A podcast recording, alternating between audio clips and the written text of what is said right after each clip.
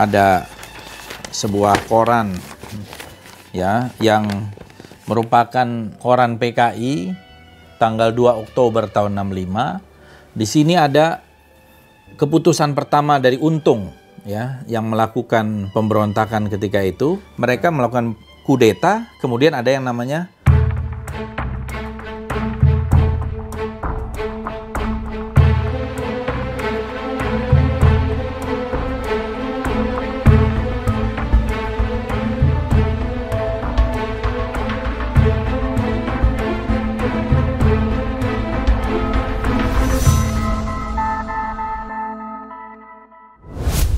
Setiap bulan September memang sering kali ada polemik tentang PKI, Partai Komunis Indonesia, sebuah partai politik yang sudah dilarang sejak tahun 1966, tepatnya dibubarkan tanggal 12 Maret 1966.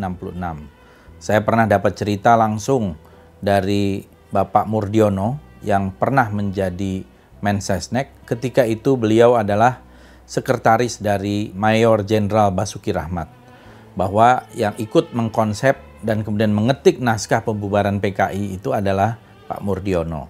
Sehari setelah turunnya surat perintah 11 Maret, Super Semar.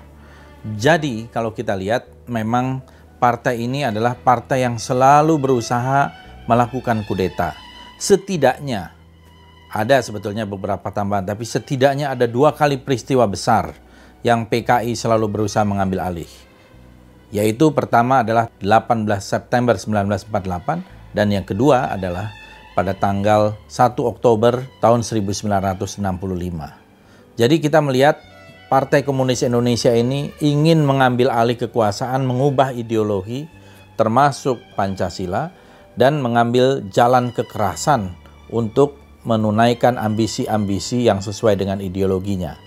Kita lihat pada tahun 48 banyak korban, yaitu para ulama, para kiai, dan juga adalah pejabat-pejabat pemerintahan di sekitar wilayah Karesidenan Madiun, Magetan, Ngawi, dan sebagainya, termasuk sampai Ponorogo, banyak tokoh-tokoh pesantren yang diculik, kemudian mereka dibunuh, dimasukkan di dalam lubang-lubang buaya ketika itu, namanya Sumur Soco 1, Sumur Soco 2, dan juga ada di Gorang Gareng, di Kresek dan sebagainya. Mereka menjadi korban dari PKI tahun 1948. Tahun 65 kita tahu prolog yang dilakukan oleh PKI itu adalah namanya aksi-aksi sepihak.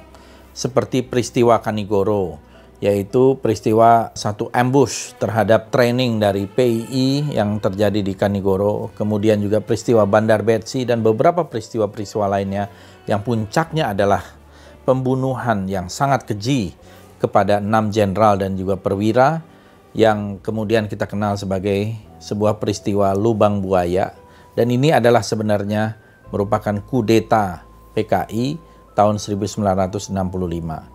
PKI memfitnah ada Dewan Jenderal, kemudian fitnah itu mereka jadikan justifikasi legitimasi untuk membunuh para jenderal itu, mengambil alih kekuasaan. Dan bukti-buktinya terlalu banyak bahwa memang PKI itu pada dua peristiwa ini melakukan kudeta. 48 dan juga tahun 65. Tahun 48 kebetulan waktu itu Dwi Tunggal, Soekarno-Hatta masih kuat.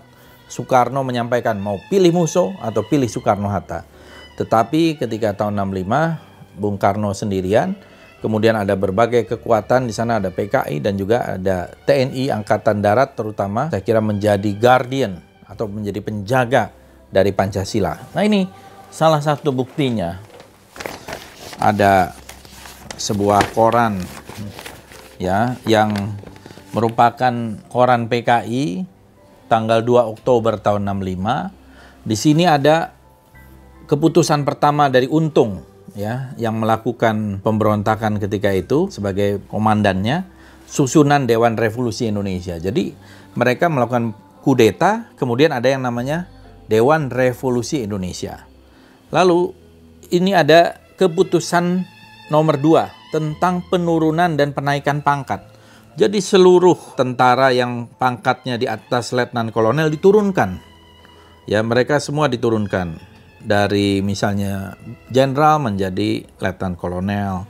Kemudian juga kolonel menjadi letnan kolonel dan seterusnya. Ini adalah keputusan dari komandan istilahnya nih, komandan gerakan 30 September, Ketua Dewan Revolusi Letnan Kolonel Untung. Kita lihat juga di sini harian yang dipimpin oleh Nyoto, tokoh PKI, dalam editorialnya sangat mendukung gerakan 30 September. Jadi memang gerakan 30 September ini dalangnya jelas adalah PKI. Dan kalau kita lihat juga kartun-kartunnya di sini, kartun-kartunnya bahkan di sini ada jenderal yang sedang ditonjok oleh gerakan 30 September. Di belakangnya di sini seolah-olah ada Amerika gitu ya. Jadi uh, dia sangat mendukung pembunuhan terhadap para jenderal tersebut. Dan juga banyak lagi data-data yang lain yang menarik. Oh, ada juga di sini misalnya dalam satu uh, di sini Sanusi, ini yang terkenal situasi ibu kota Pertiwi dalam keadaan hamil tua 2 Oktober tahun 65 ya korannya. Jadi persis satu hari setelah peristiwa itu dikatakan Wakil Sekjen PB Front Nasional Anwar Sanusi atas nama Menteri Sekjen Front Nasional dalam sambutannya pada penutupan latihan sukarelawan bantuan tempur. Terus dia sebutkan tentang kabir, kapitalis, birokrat. Terus sebut setan-setan ya. Setan kota, setan desa dan seterusnya. Jadi ini adalah salah satu bukti bahwa PKI sebetulnya memang melakukan kudeta menjadi dalang dari berbagai peristiwa itu dan tidak benar kalau itu dikatakan sebagai konflik internal angkatan darat atau kudeta merangkak dari Soeharto seperti yang didengung-dengungkan oleh beberapa kalangan. Kita ingin meluruskan sejarah, jangan sampai sejarah dibelokkan dan ada upaya-upaya untuk menghapus jejak sejarah. PKI memang berkali-kali melakukan pemberontakan dan saya kira keputusan kita sudah tepat dengan adanya TAP MPRS nomor 25 tahun 66 dan Undang-Undang nomor 27 tahun 99 yang melarang Partai Komunis Indonesia. Terima kasih.